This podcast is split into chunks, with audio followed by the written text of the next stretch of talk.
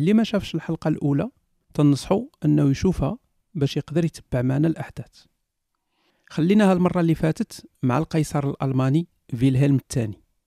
فيلهلم الثاني اللي كان حاكم ألمانيا في هذا الوقت الصعيبة اللي العالم واقف فيها على أبواب حرب غادي تصوت في الأخضر واليابس. هاد فيلهلم مسخوط الوالدين دار أخطاء كبيرة. وقلنا أن أكبر خطأ دارو هو أنه خنز التواصل مع روسيا. واحد الحاجة مهمة خصنا نعرفوها على هذا الوقت هو أن العائلات الملكية في أوروبا كان عندهم علاقات قرابة مع بعضياتهم. هاد خونا فيلهلم الثاني كان الحفيد ديال الملكة فيكتوريا ديال بريطانيا. هو ولد عم الملك جورج الخامس ديال بريطانيا. القيصر الروسي نيكولا الثاني مجوج بالحفيدة ديال الملكة فيكتوريا. العائلة الملكية البريطانية براسها عندها أصول ألمانية. الملك جورج الأول الاسم ديالو الكامل هو جورج لودفيك اللي ولا ملك ديال بريطانيا في 1714 اصله من ألمانيا. كان أمير ديال منطقة هانوفر الألمانية. حتى الإنجليزية ديالو كانت عيانة كان تعرف غير شي كلمات. في 1917 بسبب الحرب العالمية الأولى وبسبب الثورة الروسية دار الملك جورج واحد القطيعه مع الأصول الألمانية وبدل الاسم ديال الأسرة المالكة بدلها لوينزر. واحد الحاجة طريفة كما تشوفوا هنا في الصورة هو أن فيلهلم الثاني وجورج الخامس ديال بريطانيا ونيكولا الثاني ديال روسيا تيتشابهوا. يعني كاين واحد الشبه بيناتهم خصوصا ما بين جورج الخامس ونيكولا الثاني. كاين شبه كبير يعني كاين بعض الأحيان تتقارن تصاور ما تتعرفش شكون هو فيهم. هاد نيكولا الثاني القيصر الروسي كان حتى هو دون المستوى بحالو بحال فيلهلم الثاني. هادشي اللي خلى بعض المؤرخين يقولوا أن هاد المصادفة ديال أزمة سياسية خطيرة وسياسيين ما في يديهمش عاونات باش تقوم الحرب العالمية الأولى. لا القيصر الألماني ولا القيصر الروسي كانوا يستحقوا المناصب ديالهم. وصلوا ليه عن طريق الوراثة فقط.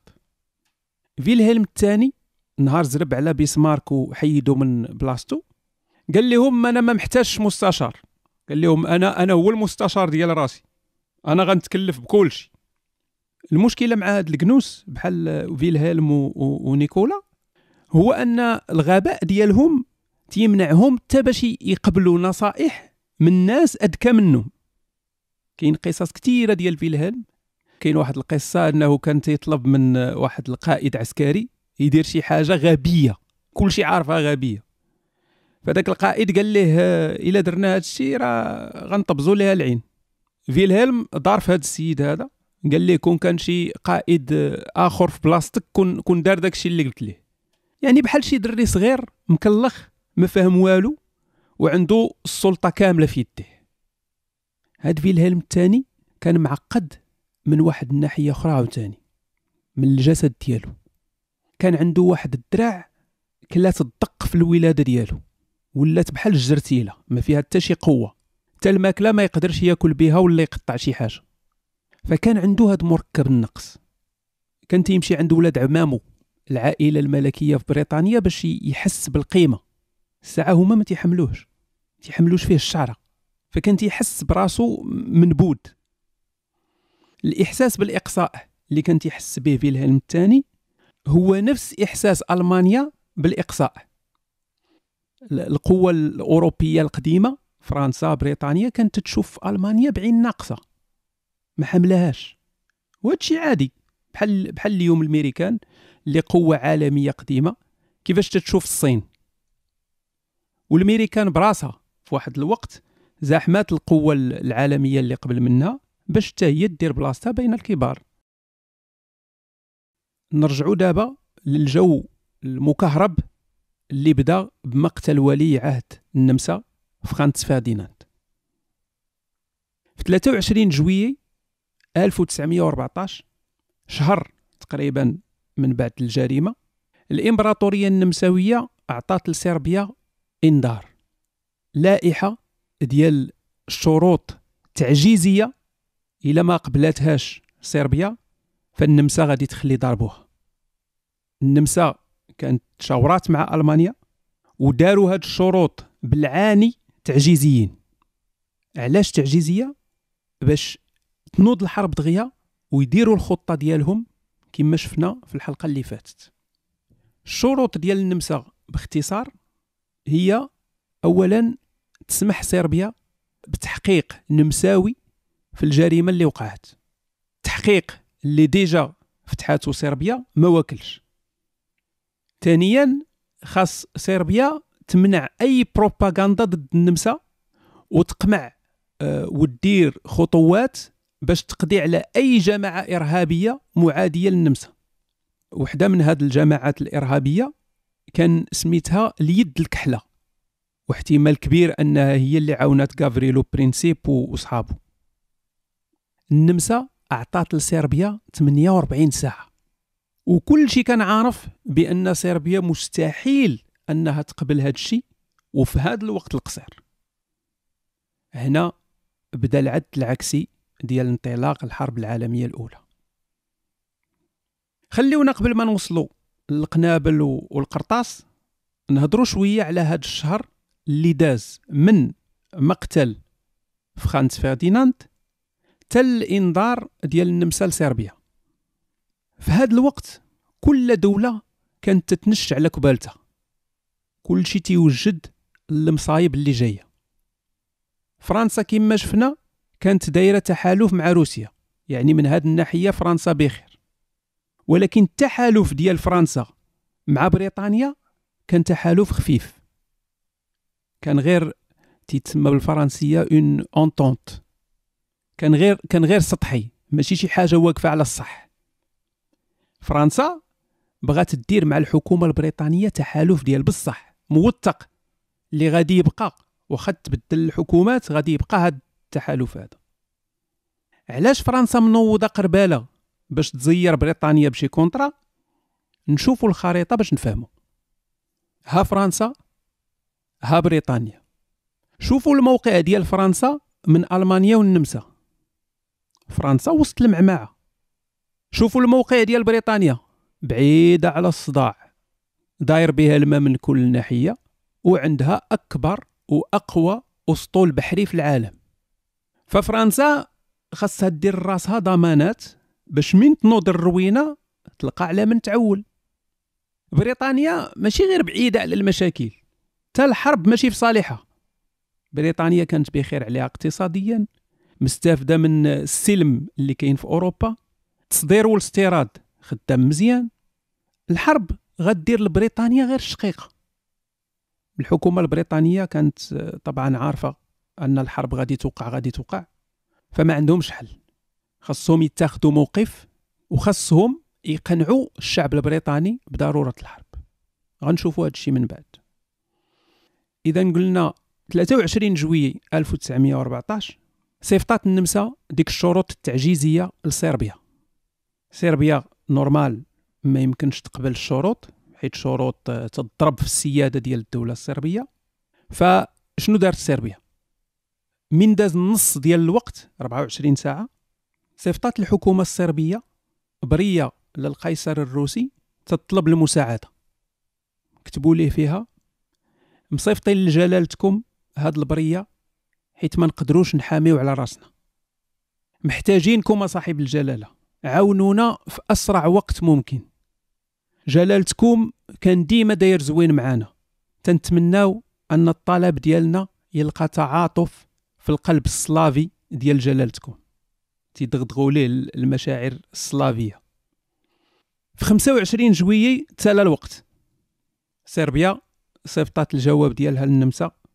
قبلات الشروط كاملة إلا وحدة وهي أن النمسا أو أي جهة خارجية دير تحقيق جنائي داخل الدولة ديالها.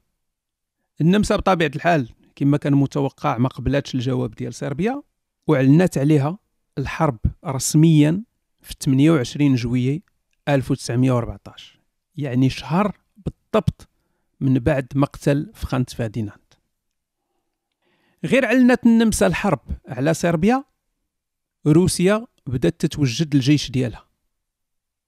اللحظة اللي كل شيء كان تيتسناها بدات والوقت ولا هو أهم حاجة.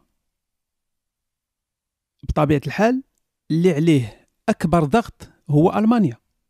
حيت باش تنجح الخطة الألمانية خاص ألمانيا تزرب على فرنسا قبل ما يوصل الجيش الروسي. الألمان كان عندهم تقدير ديال الوقت شحال الوقت عندهم باش ينجحوا في المهمة قبل ما يوصل الجيش الروسي. كانوا تيقولوا تقريبا 900 حتى 950 ساعة يعني 37 حتى 40 يوم. ألمانيا كان خصها تبدا البلان ديالها بالزربة. ما خصهاش تضيع الوقت الرواسه جايين. هاد البلانات العسكرية طغات على أي محاولات سياسية دبلوماسية باش باش الأزمة تحل. ما تيعنيش هذا أن القوة الأوروبية ما بقاتش تتهضر مع بعضياتها. غير هما كانوا تيهضروا وفي نفس الوقت تيوجدوا. فكل شيء تيوجد في نفس الوقت وتيحاولوا يديروا شي اتفاقيات باش يستافدوا باش يحسنوا الموقف ديالهم. ف بدات واحد الروندا ديال هبل تربح واحد تضحك. ألمانيا غير سمعات بالجيش الروسي بدا يتحرك عطات إنذار للرواسة. قالت لهم حبسوا فين غاديين. الرواسة جاوبوا الألمان قالوا لهم حنا غاديين قاصدين النمسا.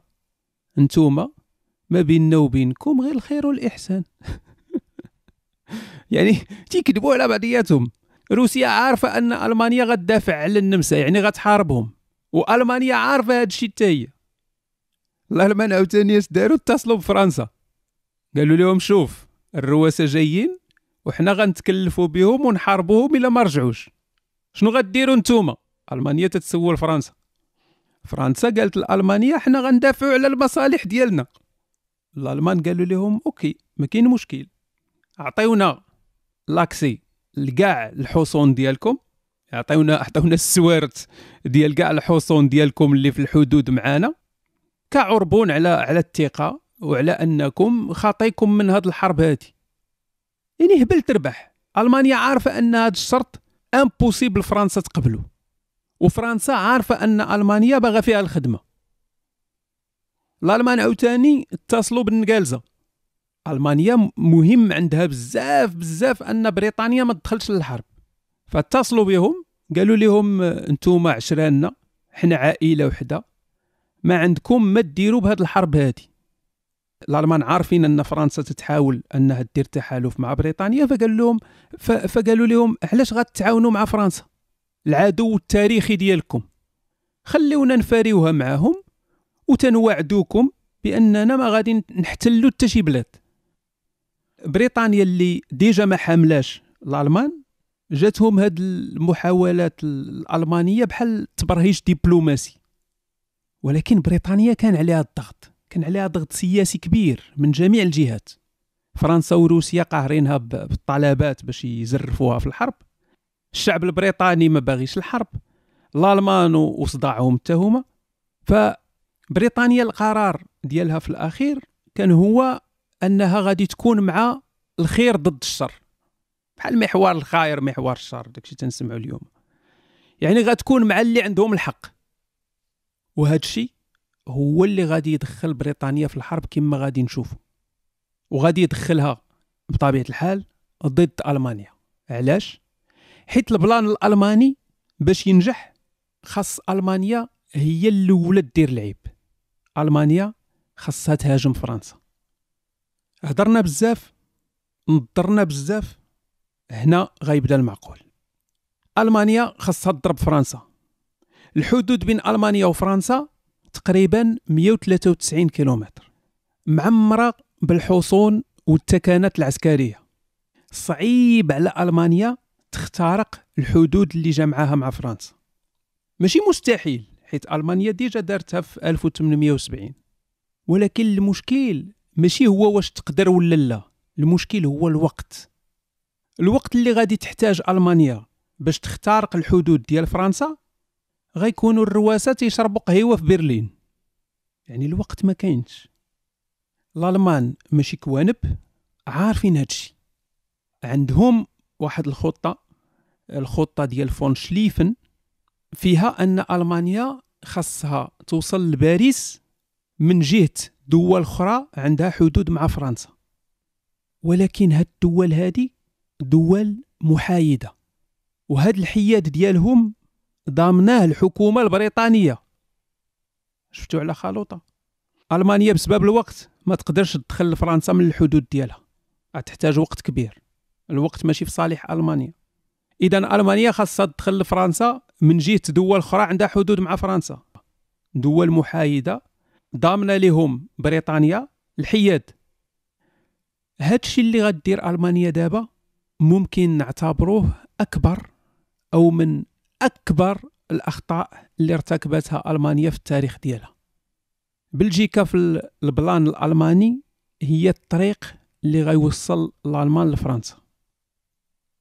التوقيت ديال دخول ألمانيا لبلجيكا كان خايب. غير يومين قبل كانت الحكومة البريطانية تقريبا موافقة على أن بريطانيا تبقى محايدة ما تدخلش في الحرب. الألمان دخلوا لبلجيكا كل شيء تبدل. بريطانيا بزز منها تجي من جهة بلجيكا اذا غتدخل في الحرب ضد ألمانيا. الشعب البريطاني بين عشية وضحاها ولا مع الحرب ضد الألمان. ألمانيا ولات عندها سمعة خايبة. نفس الشيء اللي غادي يوقع في الحرب العالمية الثانية. من هجمت ألمانيا على بولونيا وبريطانيا دخلت في الحرب. بولونيا ديال الحرب العالمية الثانية هي بلجيكا ديال الحرب العالمية الأولى. ألمانيا ولات تتبان بحال شي وحش ما عندوش أخلاق حيت داخلة على بلجيكا مسكينة اللي اللي بريئة ما دارت والو. النمسا من هجمة صربيا على الأقل كاين شي سبب. ولكن ألمانيا بدخولها لبلجيكا ما مسألة ما عندها حتى معنى. فكل شيء ولا ضد ألمانيا. البروباغندا ديال الحلفاء من تنقول الحلفاء تنعني بهم ديما الجانب ديال فرنسا وبريطانيا وروسيا. البروباغندا ديال الحلفاء استغلات هذا الشيء وبدات تتصور ألمانيا بأبشع الصور وقدرات تأثر على الشعوب ديالها بشكل كبير. هتلر أو هتلر. هتلر في, في, في الكتاب ديالو Mein Kampf كفاحي كتب على هذه القضية هذه قال بأن ألمانيا دارت خطأ في المجال ديال البروباغندا. الخطأ ديال البروباغندا الألمانية في هذا الوقت أنها كانت تتصور الحلفاء بشكل مضحك كوميدي. في الوقت اللي كانت البروباغندا ديال الحلفاء تتصور ألمانيا على أنها وحش خطير. فإلا صورتي العدو ديالك بشكل comique ما غاديش تقدر تموبيليزي. تجيش وتهيج الشعب والجيش بحال إلا صورتي العدو بشكل واحد الوحش وواحد المجرم خطير. في واحد غشت 1914 دخلت ألمانيا للوكسمبورغ ألمانيا غادا بطبيعة الحال لبلجيكا ومن بعد لفرنسا. ولكن الزهر العوج ديال لوكسمبورغ انها جات في الطريق. في نفس الوقت اللي دخلت فيه ألمانيا للوكسمبورغ صيفطات لبلجيكا تحذير. قالت لهم شوفوا حنا راه غير دايزين من عندكم باش نوصلوا لفرنسا. ما غادي نديروا لكم والو وأي حاجة هرسناها في الطريق نخلصوها. ردة الفعل ديال بلجيكا كانت بطولية. أو ربما ماشي بطولة ربما أنهم فكروا أن القضية حامضة حامضة فاللهم الواحد يحافظ على الكرامة ديالو. الملك ديال بلجيكا تجمع مع المستشارين ديالو واتفقوا على أنهم يوجدوا الجيش البلجيكي الصغير ديالهم ويقاوموا التدخل الألماني. في نفس الوقت صيفطات بلجيكا طلب المساعدة من فرنسا وبريطانيا. الحلفاء كانوا على القرص تيتسناو ولكن كانوا خايفين أن ألمانيا دير لهم عامره في خاويه يعني يديروا رأسهم بحال إلا غادي يدخلوا لبلجيكا وما يدخلوش. وتصدق فرنسا مثلا داخلة لبلجيكا قبل من الألمان وتولي هي اللي دايرة العيب. فكل شيء كان تيتسنى الألمان يحطوا رجليهم في بلجيكا الأول هادي يدخلوا. فرنسا بدرجة الخوف ديالها من هاد من فخ محتمل ديال ألمانيا رجعت الجنود ديالها 10 كيلومتر من الحدود البلجيكية. تعرفوا الحدود. الحدود راه فيها تكنات عسكرية فيها واحد المناطق حساسة. رغم ذلك الخوف ديال فرنسا رج... رجعات الجنود 10 كيلومتر مور الحدود. باش ما باش ما تكون تما حتى شي سبة أن فرنسا هي اللي دارت العيب ولا شي حاجة. ألمانيا ما عندها حتى حل إلا أنها تعلن الحرب على بلجيكا وفرنسا. داكشي اللي وقع في 3 غشت 1914 غير وصلت الأخبار ديال دخول ألمانيا لبلجيكا السفير البريطاني في ألمانيا سير ويليام إدوارد غوشن أعطى الوزير الخارجية ألمانيا غوتليب فون ياغوف والمستشار الألماني تيوبالد فون بيتمان هولفيك عطاهم إنذار من بريطانيا لألمانيا. كاين الناس اللي انتقدوا بريطانيا على التوقيت ديال الإنذار. عاتبوا بريطانيا علاش تسنات حتى دخلوا الالمان لبلجيكا عاد صيفطات الإنذار. لأن ألمانيا déjà دخلات. فصعيب انها تستجب للمطالب بريطانيا كون جا الإنذار قبل ما تدخل كان غيكون على الأقل شوية الأمل. الألمان دخلوا دابا لبلجيكا. زعما غادي يجيهم إنذار ديال بريطانيا غيقولوا لهم سمحوا لينا ويخرجوا. اللي عطى الله عطاه فات الفوت. السفير ديال بريطانيا تيعاود على ردة الفعل ديال الألمان من عطاهم الإنذار البريطاني. قال لك الألمان كعاو بالبيان المستشار الألماني بدا تيغوت شي نص ساعة. علاش بريطانيا دايرة من من حبه قبة؟ علاش شادين في القضية ديال الحياد بلجيكا واش الحرب نايضة وبريطانيا تتفكر في ورقه مسنية هذه قرن وزمارة؟ واش بريطانيا على ود ورقة ما عندها حتى قيمه باغا تدخل في حرب مع ألمانيا اللي تتعتبر بريطانيا صديق ديالها. ألمانيا مقاتلة في جوج جهات باش تعيش وتجي بريطانيا تطعنها من الخلف. الألمان بغاو يقنعوا السفير ديال بريطانيا أن دخولهم لبلجيكا كان مسألة حياة أو موت السفير البريطاني قال لهم بالنسبة لبريطانيا الدفاع على دول الحياد مسألة حياة أو موت ديال الكلمة والشرف د بريطانيا. إذا بريطانيا خوات بهاد الدول شكون اللي مازال غيثق في بريطانيا في المستقبل؟ هنا قالوا ليه الألمان واش فكرات بريطانيا في الثمن ديال هاد الخطوة هادي. وفعلا إلا ورينا النتائج ديال الحرب لاصحاب القرار قبل ما يتخذوا القرار أنا متأكد أن بزاف منهم سواء رابحين ولا خاسرين غيحاولوا يلقاو شي حل من غير الحرب. دخول بريطانيا في الحرب يعني قلب الموازين ضد ألمانيا. ماشي من ناحية الجيش البريطاني. الجيش البريطاني بالمقارنة مع الجيش الألماني راه لا علاقة. واحد القولة مشهورة ديال بيسمارك جاو قالوا ليه إلا دابزنا مع بريطانيا غادي تصيفط الأسطول البحري ديالها للسواحل ديالنا ويديروا إنزال عندنا. ف بيسمارك بيسمارك قال لهم إلا جاو عندنا غنصيفط لهم البوليس يشدوهم. ألمانيا ما كانتش خايفة من العسكر ديال بريطانيا. ألمانيا كانت خايفة من مجموعة الأشياء. خايفة من الأسطول البحري اللي كان أكبر أسطول في العالم. ألمانيا كانت خايفة من القوة الاقتصادية ديال بريطانيا. بريطانيا كانت الأولى في العالم. بريطانيا كانت عندها مستعمرات قدها قداش بريطانيا وفرنسا بجوج كانوا تيحكموا أكثر من نصف العالم. هاد القوة المالية أكيد غتساعد في التمويل ديال الحرب. بريطانيا تقدر بالأسطول البحري ديالها توقف التصدير والاستيراد الألماني مثلا. فهنا فين كانت المخاوف ديال ألمانيا؟ الإنذار ديال بريطانيا تسالات الصلاحيه ديالو في 4 غشت 1914 مع 12 ديال الليل. مباشرة من بعد انتهاء الوقت بريطانيا اعلنات الحرب على ألمانيا. أغلب السياسيين ما قدروش يتنبؤوا بالعواقب ديال الحرب العالمية اللي النواقص ديالها دقات. ولكن كاين واحد الفيلسوف ألماني أشهر من نار على علم اللي قدر يتنبأ بالحرب وقدر يتنبأ بالنتائج ديالها. هاد الفيلسوف الألماني هو الرفيق ديال كارل ماركس فريدريش انجلز فريدريش انجلز تنبأ في 1887 أن حرب لا مثيل لها غادي تنوض. 8 حتى 10 المليون ديال العسكر غيقتلوا بعضياتهم وغادي يدوزوا على أوروبا بحال الجراد. الكوارث ديال حرب 30 سنة غادي تختزل في ثلاث سنين ولا أربع سنين وغادي تنتشر في أوروبا كلها المجاعات والأمراض والفوضى والانهيار الاقتصادي. الحرب اللي غادي تبدأ دابا مشاركين فيها أقوى جيوش العالم بأحدث الأسلحة. غير هو الجيش الألماني بوحدو عاوتاني.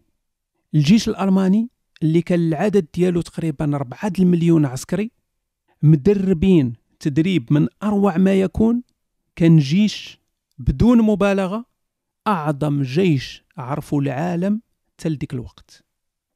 الألمان بديك الكفاءة بديك الفعالية اللي تيمتازوا بها زيد عليها التقنية العسكرية اللي في 1914 كانت وصلت لدرجة علوم عسكرية تتقرا زيد على هذا الشيء كامل أن الألمان كانوا تيوجدوا هذه الخطة مش شحال هادي. يعني الجيش الألماني كان في الطوب من جميع النواحي. الماكينة الألمانية الجبارة تحركات بأعداد مهولة. ما عمر العالم شاف بحالها. الجهة الغربية شاركوا فيها تقريبا 3 المليون ديال الجنود. بالقناطر ديال الأسلحة بدقة متناهية بنظام أروع ما يكون. حتى الجندي الالماني كان واحد الجندي صبار كان جندي قوي ذهنيا وجسديا. هذا الجيش العرمرم غيدوز من بلاد صغيرة اللي هي بلجيكا اللي في ديك الوقت أغلب المناطق اللي فيها عروبيات البنية التحتية عيانة. فتخيلوا الناس اللي شافوا الجيش الألماني في بلجيكا. بحال إلا شافوا شي حاجة من الخيال. ما عمر العالم حتى لديك الوقت ما شاف شي حاجة بحال هكا. من حسن الحظ ديالنا أن واحد الصحفي أمريكي سميتو ريتشارد هاردينغ ديفيس كان حاضر في هذه الأحداث وعاود لينا داكشي اللي شاف. من الطريقة باش تيوصف تتحس أن السيد كان مطهشر شنو قال لنا الصحفي الأمريكي؟ قال لنا أن الحس الإنساني الإنسانية كما تنعرفوها ضاعت مع دخول الجيش الألماني لبلجيكا. جيش ماشي بحال أي جيش مكون من من ناس. جيش بحال واحد الموجة ديال البحر كبيرة تتخلع. بحال واحد الانهيار ثلجي بحال واحد الفيضان. دازت ساعات وساعات والجنود الألمان تيدوزوا بلا انقطاع. ما كاين حتى شي خويه بين الصفوف بحال الضبابة اللي تتجي وتتغطي كلشي حتى اللباس ديال الجنود الألمان كان مناسب. واحد اللون قري رمادي فيه واحد البرودة مختلف تماما على الزواق ديال اللباس في الجيش الفرنسي والبريطاني. تيلبسوا الزراق والحمار والريش. هاد الصحفي تيعاود لينا قال لك غير تيدوزوا العسكر تيفوتوا واحد 100 متر ما تتبقاش تشوفهم. تيغبروا في الأفق. جيش بحال واحد الواد ديال الفولاد. غادي بسلاسة غادي بنظام لدرجة أنك ما تلقاش حتى سير محلول في صباط ديال شي عسكري فيهم. من الصباح بكري حتى 12 الليل ومازال الزحف الألماني ما بغاش يسالي. بعد 26 ساعة هاد داز الجيش كامل من ديك البلاصة اللي كان فيها الصحفي. في الحلقة الجاية غادي نشوفوا شكون اللي وقف في وجه هاد التسونامي الألماني اللي اكتسح بلجيكا كيفاش كانت المواجهة وشنو هي النتائج.